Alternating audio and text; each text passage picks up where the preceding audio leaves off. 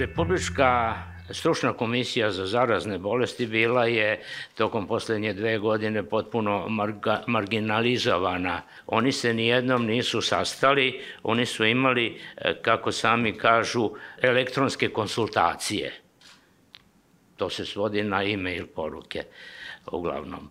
E sad, kad pogledate zakon o zaštiti stanovništva od zaraznih bolesti, član 11, i istovremeno poslovnik o radu te komisije, ona utvrđuje stručne stavove, razmatra aktualnu epidemiološku situaciju i sad da ne čitam sve dalje, priprema, odobrava i koordinira akcione planove i programe za slučaj vanrednih situacija.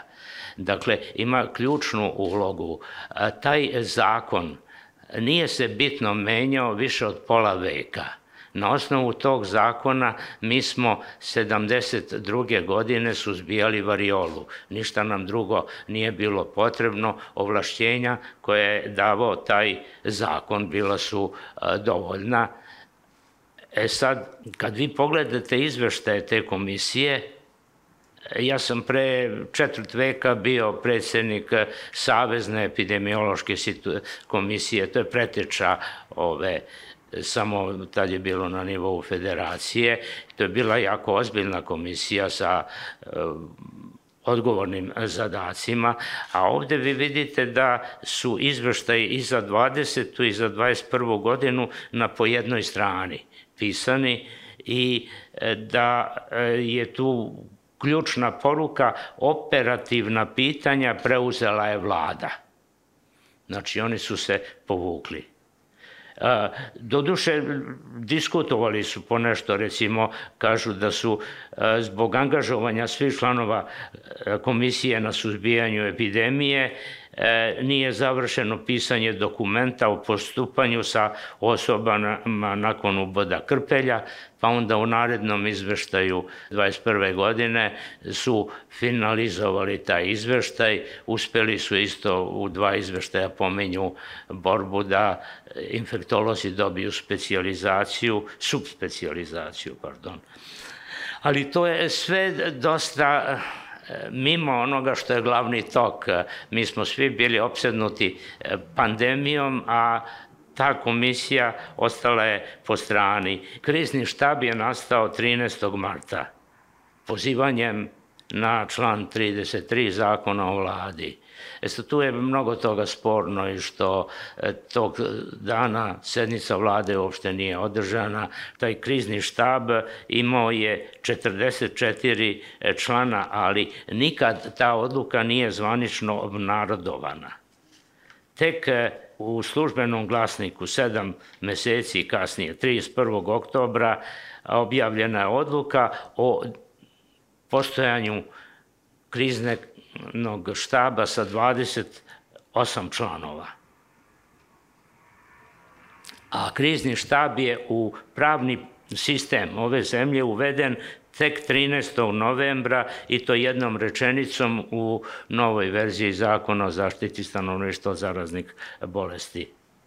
Tom mahinacijom pravnom da umesto Republičke komisije posao vodi krizni štab u kome su lekari u manjini i u kome će uvek biti preglasani, u stvari sve ulogu struke na e, jedan onako na jedan inferioran nivo, a ja bi isto podsjetio da 72. godine kada je bila variola u Jugoslaviji, a predsednik države nijednom se nije oglasio. On je bio na Brionima, da ispravim, oglašavao se drugim povodima. On je primao strane državnike, obavljao a, druge aktivnosti, ali o varioli nije rekao ni reč. On je ostavio da se time bave stručnjaci.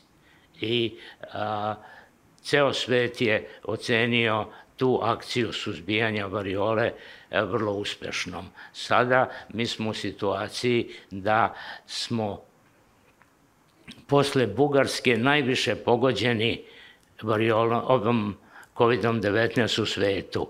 Nama je umrlo do februara 57.500 ljudi, više nego što se očekuje da umre.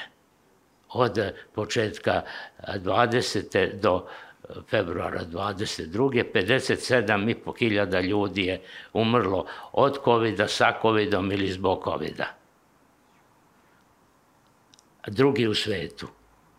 I to ne može da bude slučajno. To mora mnogo i uporno da se greši da bi od 200 država u svetu mi osvojili takvu jednu crnu srebrnu medalju. Mi imamo predviđena tijela, zakonom predviđena, a formiramo nova ad hoc. Znači, dolazimo do problema gde dva tela, to je dva organa, imaju e, nadležnosti koje jedan organ koji je ad hoc formiran preuzima, odnosno krade, da tako kažemo, od zakonom predviđenog tela. E, tu je problem upravo te najpre Republičke stručne komisije ove, i kriznog štaba. E, doktor profesor Radovanović je e, pomenuo već problematiku vezano za postojanje kriznog štaba, s tim što 13. marta mi ne znamo da je on formiran. Samo je na, ministar, na sajtu Ministarstva zdravlja izašlo obaveštenje na nazvaćemo ga tako jer niko taj dopis, to obaveštenje nije potpisao, nemamo ani pečat, memorandum, samo, samo, su, samo su napisali ko su članovi i da je formirano telo 13. marta. Uh, I to nakon jeli, uh, prozivanja i ispitivanja ko su ti ljudi, ko, zastu, ko, ko je imenovan, na koji način i tako dalje.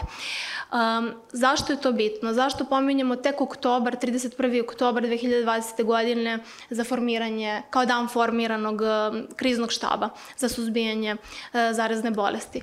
Zato što je tek tada vlada donela odluku o obrazovanju ovog tela.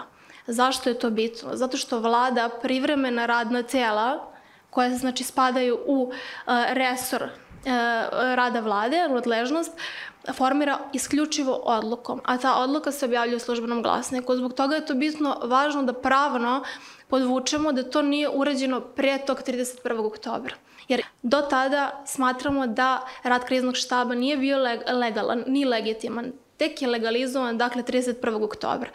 Krizni štab obrazuje vlada, znači kao povremeno radno telo, dok Republičku stručnu komisiju kao stalno radno telo obrazuje ministar zdravlja. Što je, zašto je to bitno? Zato što je resor, uh, zdravstveni resor, odnosno Ministarstvo zdravlja, ono koje je bitno za suzbijanje i sprečavanje epidemije. Upravo ne, ne vlada kao takva.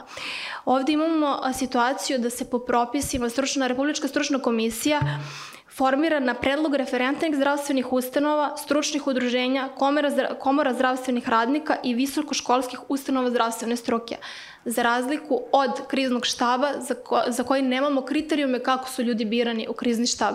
Dakle, lice izabrano u kriznom štabu nisu predlog struke. Zatim imamo situaciju da se u kriznom štabu su nam članovi, kao što znamo, pretežno ministri, direktori, i nemamo poznat kriterijum. Dok se u Republičkoj stručnoj komisiji to zdravstveni i naučni radnici koji imaju značajan doprinos u radu i razvoju određene oblasti medicine, komplementarne medicine, dentalne medicine, farmacije, odnosno zdravstvene nege. Sa druge strane, um, Batut i Ministarstvo zdravlja pružaju administrativnu podršku Republičkoj stručnoj komisiji za razliku od generalnog za razliku od kriznog štaba koju, kome podršku pruža generalni sekretarijat vlade. Tu nam je velika razlika. Znate, kada govorimo o epidemiji, imamo stručna tela koje učestvuju u u suzbijanju epidemije i pomažu određenom tijelu da, zapravo za izazove sa kojima se suočava. Kriznom štabu podršku administrativno daje generalni sekretarijat vlade, baš zbog toga što je privremeno telo vlade. Inače, u redovnim situacijama mi moramo uh, primenjivati zakone, primenjivati propise, a posebno u ovim neredovnim, odnosno vanrednim okolnostima, jer zbog toga su i propisane da ne bi nastao nered, a u ovoj situaciji ovde, vezano za upravljanje epidemijom, možemo reći da je nastao nered baš zbog, zbog ovoga, kako da kažem, je formirano, odnosno nije formirano određeno telo koje je isticano sve vreme u prvi plan kad, kad je reč o sprečavanju, odnosno suzbijanju epidemije. A tu ulogu, inače, eto da, da, da samo to zaključimo, treba da ima Republička stručna komisija, najpre Ministarstvo zdravlja i Batut. Batut ne možemo da, da, da izbacimo iz te, kao, kao, bitan, kao instituciju, jel?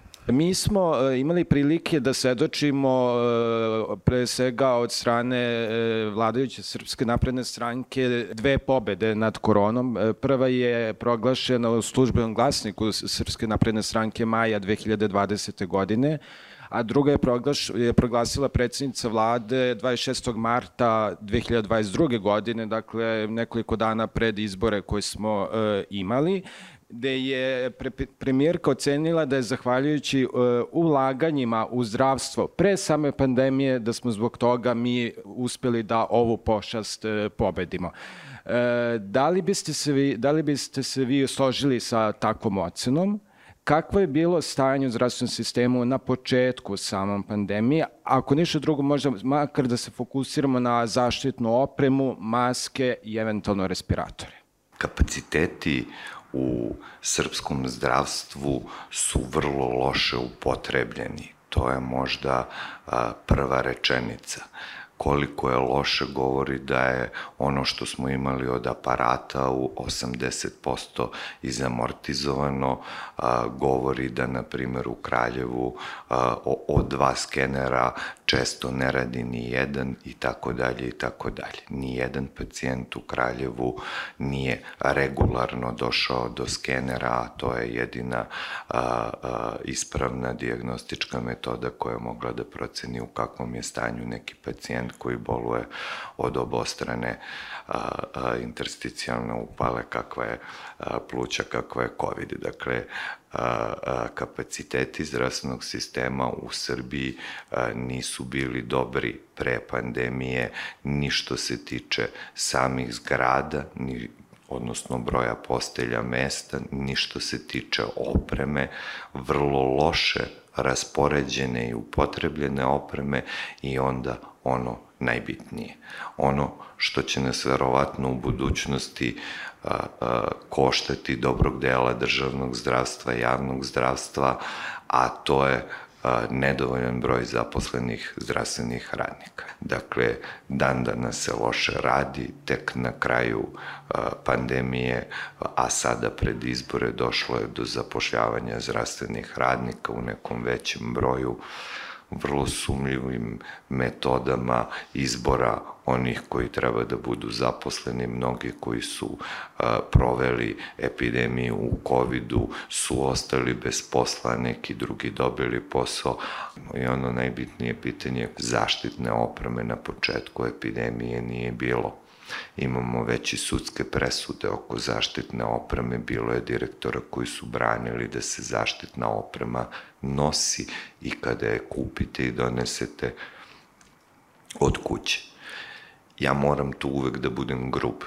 Vrlo je upitna diploma doktora medicine tih direktora koji su branili nošenje zaštitne opreme na početku epidemije nadam se da će negde negde naći malo sluha da a, ono što se dalje bude dešavalo sa epidemijom i sa zbrinjavanjem posledica, mene to trenutno najviše brine post-covid sindrom koji će mnoge, mnoge dovesti kod lekara šta će biti sa zdravstvenim radnicima koje tek čeka da nadoknade. Ne radim trenutno u COVID-u, ali radimo punom parom. Dakle, svi oni koji su čekali, sve one liste čekanja koje su bile velike, a sad su još duže, a profesor je verovatno dao najtačniju definiciju.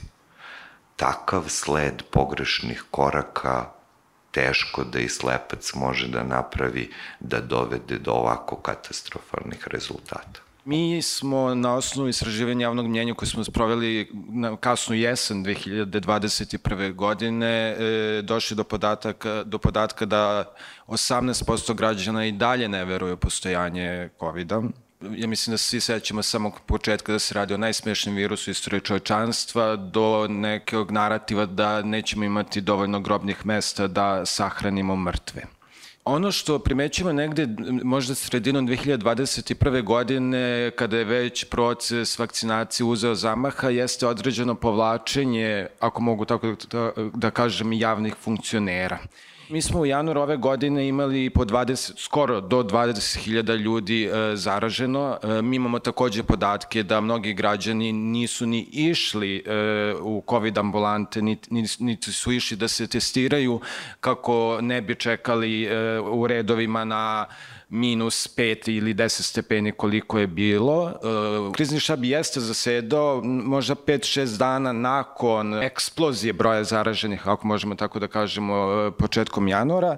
Da li su građani ostavljeni na cedilu u tom slučaju? Građani su ostavljeni na cedilu mnogo ranije mogli bi čak da se pozovemo na period pre epidemije. Svetska zdravstvena organizacija upozoravala od 2019. godine da predstoji nešto slično i da je potrebno pripremiti se, a ta priprema uključuje i nabavku zaštitne odeće, maski i sve ono što podrazumeva a, takvu jednu vanrednu situaciju. Mi smo to potpuno ignorisali. Mi smo bili apsolutno nepripremljeni za ovo što se desilo.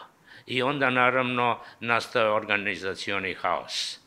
Ja sam izgubio nekoliko dobrih prijatelja kad su se razboleli, pa su tražili ne vezu, nego prosto da kao čovek iz sistema ih uputim. Ne mogu telefonom da dođu uh, do epidemiologa, onda sam ja vrteo telefone ministarstva, one telefone koje je davao Batut, to nije funkcionisalo. Znači, sistem je se jednostavno raspao i e, mi možemo sad akademski da raspravljamo da li je došlo do kolapsa sistema ili nije.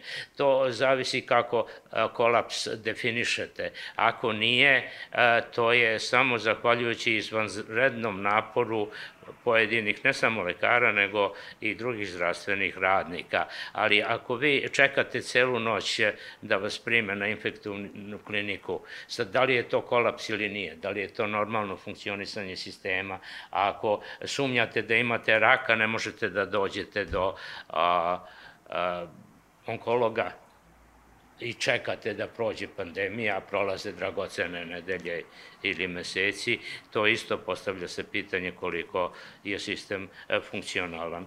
Nismo imali potpuno pogrešne prioritete, umesto da nabavljamo zaštitnu opremu, mi smo nabavljali te respiratore, ni u jednom trenutku e, nije korišćeno više od 350 respiratora, a mnogo je manje bilo ljudi koji su kao doktor Panić u stanju da koriste e, respirator. Ja sam lekar, ali ako biste mi dali respirator, ja bi ubio čoveka. To je tako, vi, tako morate fino to da štelujete. Tu morate da imate mnogo znanja. To e, nisu znali ni svi anestezijolozi.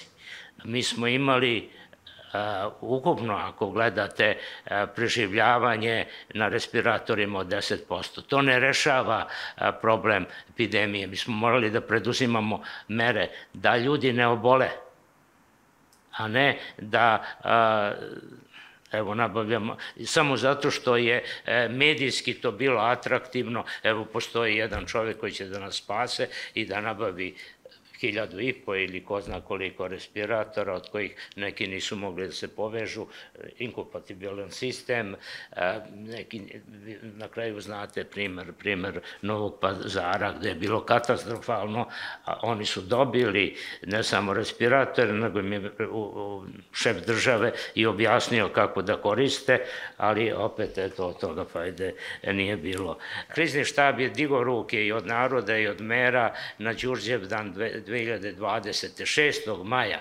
Znači, pre toga bilo je vanredno stanje i to je e, bilo iznuđeno, e, normalno je bilo da mi otkrivamo zaražene, da ih izolujemo, ali pošto nismo bili pripremljeni, nismo imali a, testove da otkrivamo zaražene, mi smo onda i da štitimo ostatak populacije od njih, mi smo onda izolovali starije građane Ali 6.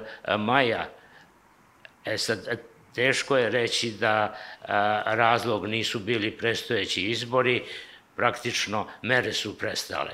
Znači, mi smo jedini u svetu imali futbalsku utakmicu, to je cela svetska štampa obavestila sa 15-20 gledalaca, imali smo predizborne aktivnosti i onda smo dobili taj drugi talas koji je direktno posledica a, aktivnosti, odnosno neaktivnosti kriznog štaba.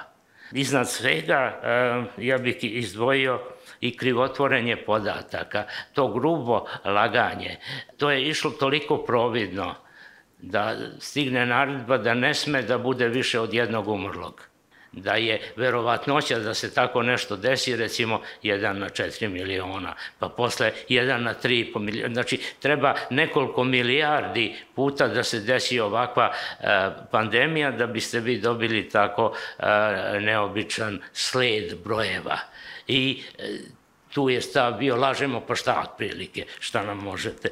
I e, posebno još na kraju to stvaranje ambivalentnog odnosa prema vakcinaciji. Vi ste imali a, visoko kotirane e, u vladićoj partiji lekare koji su govorili protiv vakcinacije Imali ste i članove kriznog štaba koji su imali takav stav ili čak tvrdili da COVID ne postoji. I onda smo došli do te skizofrene situacije da građani ne znaju kome da veruju. Oni su izdati tada, ako se sećate, prošle godine kada je krenuo naredni talas, onda je iz štaba rečeno, mi ćemo se sastati kada broj zaraženih dostigne 500.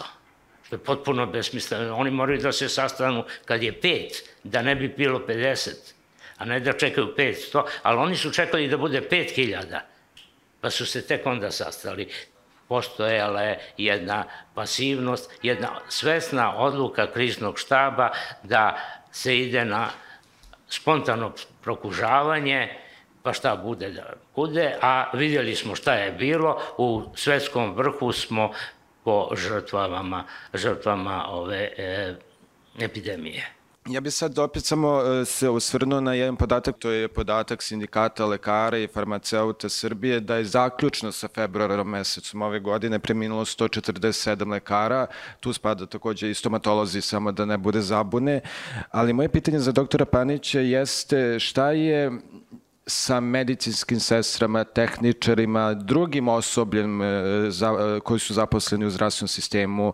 e, da li sindikat ima neke podatke o njima?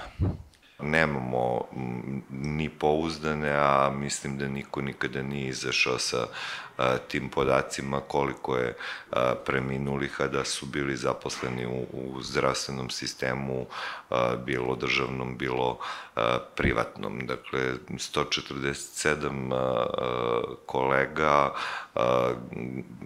od kojih je preko 80% bilo u radnom odnosu, Pitanje je da li je ta brojka konačna, komora je kasnije izašla sa, sa nekim podacima značajno manji broj nego ovaj koji mi imamo. Ono što ja mogu da potvrdim jeste da svaki od preminulih potvrđeno je sa porodicom i, i dobili smo odobrenje da a, a, možemo to da objavimo. Koja je uloga je, bi trebalo e, da bude zapravo Republika štaba za vanredne situacije i da li je po podacima do koje ste vi došli to telo uopšte svoj posao obavljalo?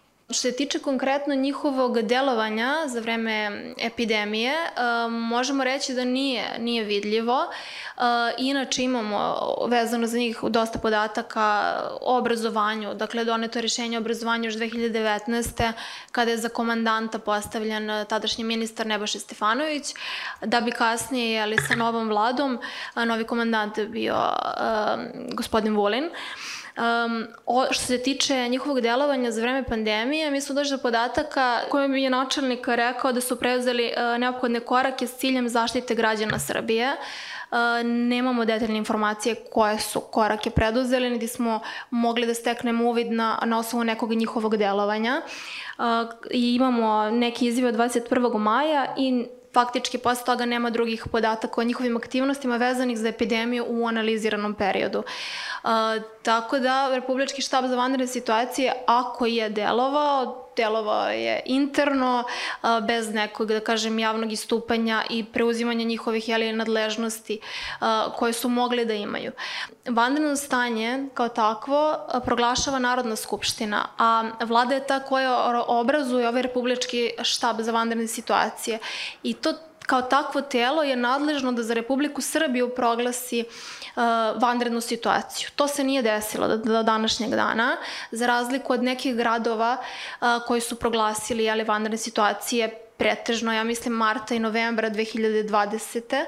Koordinacija Republičkog štaba za vanredne situacije. Republičke stručne komisije bi mogla da bude verovatno mnogo delotvornija od uh, delovanja samog kriznog štaba ovakvog kakav je propisi e, Republike Srbije predviđaju drugi organi koji su koji postoje, druga tela, ustanove koji su bitni za vođenje epidemije. Batut koji sam već pomenula, to je Zavod za javno zdravlje ovaj, dr. Milan Ivanović Batut, e, nacionalno telo za upravljanje odgovorom zdravstvenog sektora u kriznim i vanrednim situacijama, Nacionalni savet za javno zdravlje, Zdravstveni savet, Institut za virusologiju, to je Torlak, i još, još neki su mi ovaj, tu organi, ustanove praktično, koje su jako bitne za suzbijanje i sprečavanje epidemije, a njihov kapacitet nije korišćen. Interesantno možda za spomenuti jeste da je u 2020. to je 17 oblasti medicine su deficitarne, u 2021. 20 a u 2022. 25, što znači da imamo jedan trend povećanja deficitarnih oblasti medicine. U 2022. E, u deficitarne oblasti medicine spadaju i epidemiologija, infektologija, anesteziologija, reanometologija i intenzivna terapija, koje su sve e, oblasti medicine koje su, koji su od izuzetnog značaja u borbi protiv COVID-19. Kako biste generalno u ovom trenutku ocenili e, politiku zapošljavanja? Situacija zavisno od dela Srbije različita. Negde imamo i konkurse, a da nema zainteresovani, što govori o jako lošem odnosu uh, i ministarstva i kompletnog sistema uh, prema mladima koji dolaze da, da u njemu provedu ostatak života i da ostvare svoje karijere ili da primene ono što su naučili. Sam način zapošljavanja jako loš, uh, bez pravilnika, sa vrlo sumnjivim konkursima, na kraju preuzima ministarstvo na sebe da zapošljava, kako oni kažu, najbolje, tu se posle toga svašta dešava. Ono što moramo da znamo to je da je starostna struktura specijalista katastrofalna, da je preko 55 godina živ, trenutno prosečna starost specijalista. Ono što posebno zabrinjava jeste planirana optimizacija zdravstvenog sistema ili zdravstva koja treba da se sprovede do 2035. godine to što je preko 60% vršioca dužnosti direktora i što više nema javnih konkursa koji bi pružili svima istu mogućnost, zaista loše i govori da neko ne brine o budućnosti zdravstvenog sistema. Trenutno mislim oko 19-19,5 hiljada zaposlenih u državnom zdravstvu. Pitanje je šta je sa privatnim sektorom,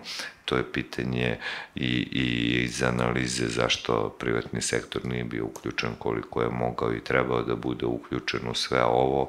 U svakom slučaju vrlo pogrešno kadrovanje koje traje godinama, nije za to odgovorno samo ovo ministarstvo, ali ovo ministarstvo je to dovelo do savršenstva, još uvek funkcioniše komisije za racionalizaciju pri Ministarstvu zdravlja ko odobrava svako zaposlenje kao da ministar u Beogradu bolje zna ko je potreban Kraljevu nego što to zna javni zavod za zdravlje i ljudi školovani tamo mnoge evropske zemlje željne su tih radnika i zato dolazimo u situaciju da već imamo konkurse na koje se u nekim gradovima niko ne javi.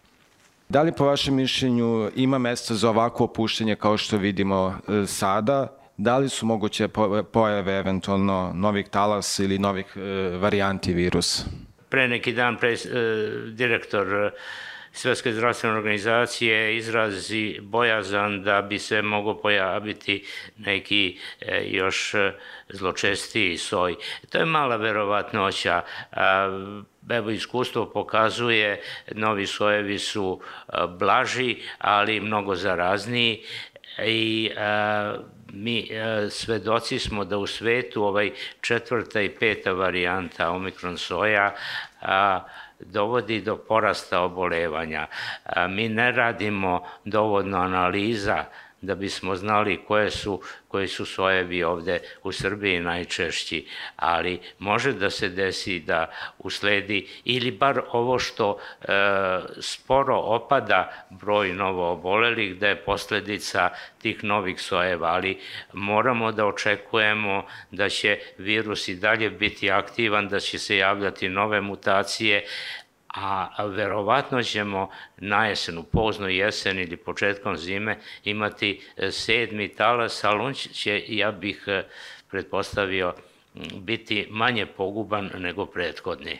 A onda od idućeg proleća treba očekivati da bolest bude endemska, da stalno bude sa nama, a, a jedino vlasti naše zdravstvene treba da prate situaciju i sad ne da naruče vakcina koliko ima pa da ih onda bacaju, ali da prate e, razvoj ovih novih vakcina pa bar za one građane koji su dovoljno razumni, koji žele da se vakcinišu, da dobiju vakcine druge generacije koje štite ne samo od onog vukanskog soja, nego koje imaju širi dijapazon. Očekuje se da će takve e, vakcine biti na raspolaganju na jesen upravo kad nam budu bile potrebne doktorka Marijana Pešić, inače sam specijalista opšte medicine, radim kao izabrani lekar i ovde smo negde pričali o upravljanju pandemijom na nekom sekundarnom i tercijarnom nivou. Vrlo je značajno kad pričamo o upravljanju pandemijom i, taj primarni nivo zdravstvene zaštite. Najveći broj pacijenata je zapravo bio u kontaktu sa primarnim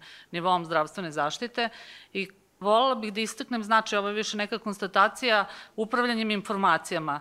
Uh, upravljanjem informacijama između tela, I tu bi posebno naglasila Batut, kao institut, kao Republički institut za javno zdravlje i e, e, informacije između Batuta i gradskih zavoda za javno zdravlje. Neki članovi kriznog štaba, kako god da je to telo bilo, ono je upravljalo epidemijom, su u jednom trenutku rekli da su podaci loši zato što na primarnom nivou zdravstvene zaštite e, nije bilo adekvatno prijavljivanje. Znači, po zakonu o zdravstvenoj zaštiti, to smo sve već sada pomenuli, po zakonu o zaštiti stanovništva zaraznih bolesti, u obavezi smo da prijavljamo zarazne bolesti. E, mi smo prijavljivali i to je bilo čak i ole dobro dok smo to radili kroz Heglijand, štampali e, prijave i slali u gradski zavod. Možda ću vam ovo delovati malo duže, ali prošlo je dve i po godine praktično od početka e, epidemije. ono što je jako važno da smo u toku trajanja, gde se nigde to ne pominje, promenili sistem prijavljivanja zaraznih bolesti odnosno praktično nadzor nad zaraznim bolestima. Mi smo negde e, pre nove godine prešli na prijavljivanje kroz servis javnog zdravlja. Mi smo se obradovali, nećemo štampati, ne, to će biti lakše, to je elektronski. Znači, elektronski šaljemo po, uh, prijevu koja direktno ide u batut. Uh, u tom istom servisu javnog zdravlja, to je onaj sistem u koju bacimo vakcine. Kada radimo vakcinaciju, to savršeno funkcioniše. Znači, kada unesete matični broj građana ili broj pasoša šta god, ako su strane državljani, vama odmah iz MUP-ove baze vuče podatke.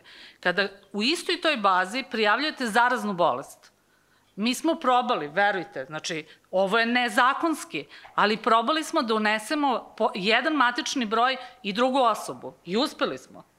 Mi smo ove godine imali testove za grip. I opet smo se obradovali. Imamo testove za grip, registrujemo grip.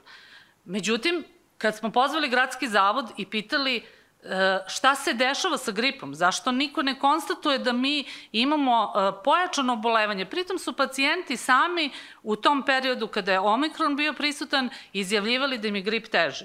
Imali smo e, grip sa upalom pluća, a oni su rekli, ali mi nemamo prijavljen grip. Zašto?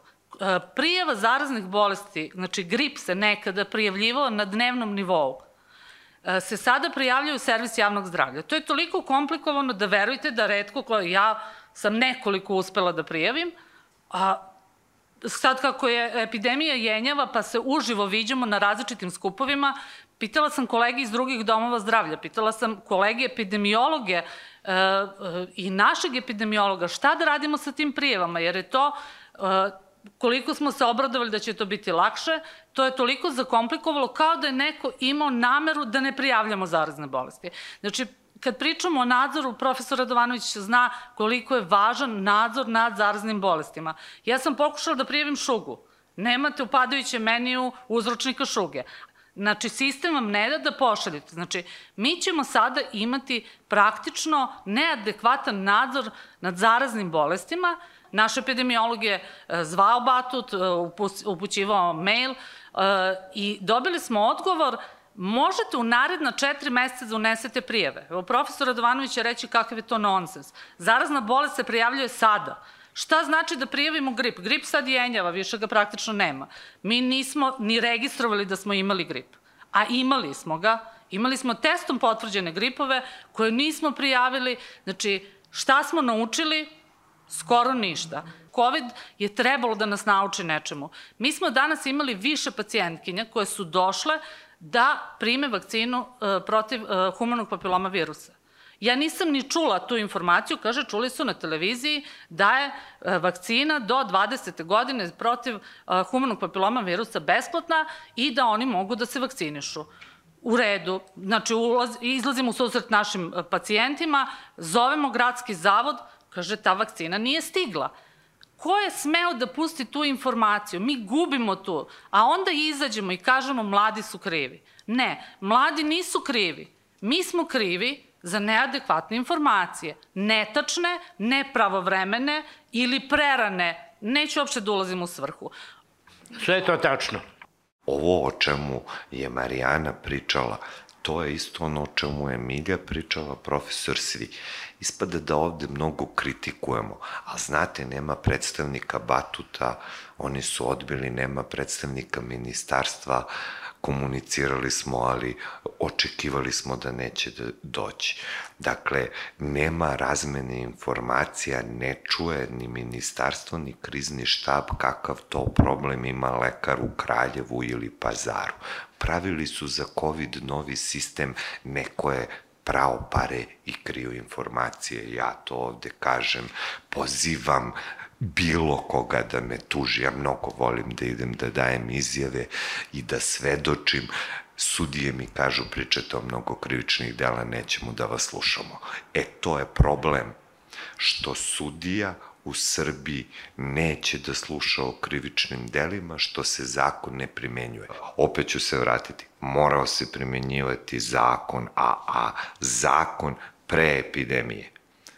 To bi značilo da imamo dovoljan broj zaposlenih radnika, to bi značilo da u magacinima ima dovoljno zaštitne opreme, da zdravstveni radnici znaju da je koriste, da vod ili četa policije i vojske koja je otišla na granicu ne bude posle toga 90% zaražena, nego da je tamo otišla da odradi posao, da su sa njima otišli stručni zdravstveni radnici koji će sprovesti karantina, ne da bude uh, uh, kontra karantina, morali smo da uložimo ulažemo u informacije, u edukaciju stanovništva, u sprečavanje zarazne bolesti, pa svaka bolest bolje sprečiti nego lečiti, a kod zarazne to je jedino rešenje.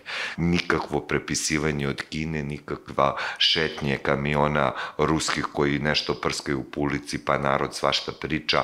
Dakle, naša pamet naša pamet, imamo je, naši zakoni, u našim uh, okvirima mogli smo ovo sve da odredimo uh, da bude sigurno, sigurno značajno bolje ne, nego što se desilo. Dakle, i imali smo i prethodno iskustvo sa variolom, nismo ovde postavili gde je 15 miliona vakcina, ko će platiti njihovo uništavanje, nismo postavili pitanje a, mnogih nabavki koji su se desile tokom epidemije, da nisu trebale da se dešavaju, neko je rasipao pare pokušavajući da vodi političku kampanju, nije se bavio a, javnim zdravljem, mi smo ovde pokušavali da budemo maksimalno konstruktivni, ne bili to ministarstvo koje proziva do, e, kolega Vuk, Vukalović čulo ne bili Lončar posle trećeg mandata zaista pogledao čime to treba da se bavi, jer ja često kažem ne znam ni da nabroji deset a, naziva zakona, kamoli a, da ih sprovede. Deset godina je neko zaboravio javne zavode. Zato je koštalo ovoliko koliko je koštalo i da se ne hvali niko iz vlasti što su nabavili toliko respiratora i potrošili toliko para na vakcine koje nisu upotrebljene, to su bačene pare neracionalno korišćeno, to prvo da nauče. Da pitaju nekoga ko se razume šta treba da se nabavi, pa tek onda da nabavlja. Ja bih samo zamolio, ako još e, medije rade. Dakle, podržimo ljude u Novom pazaru. Imamo problem da se bilo ko od kolega uključi u predstavljanje ove analize. Proganja ih direktor ima preko 50 a, tužbi a, protiv građana ne uspevaju da se izbore za svoja prava, a preminuli su se u Pazarskoj bolnici, slagali jedne druge koliko ih je bilo i tu je angažovana vojska.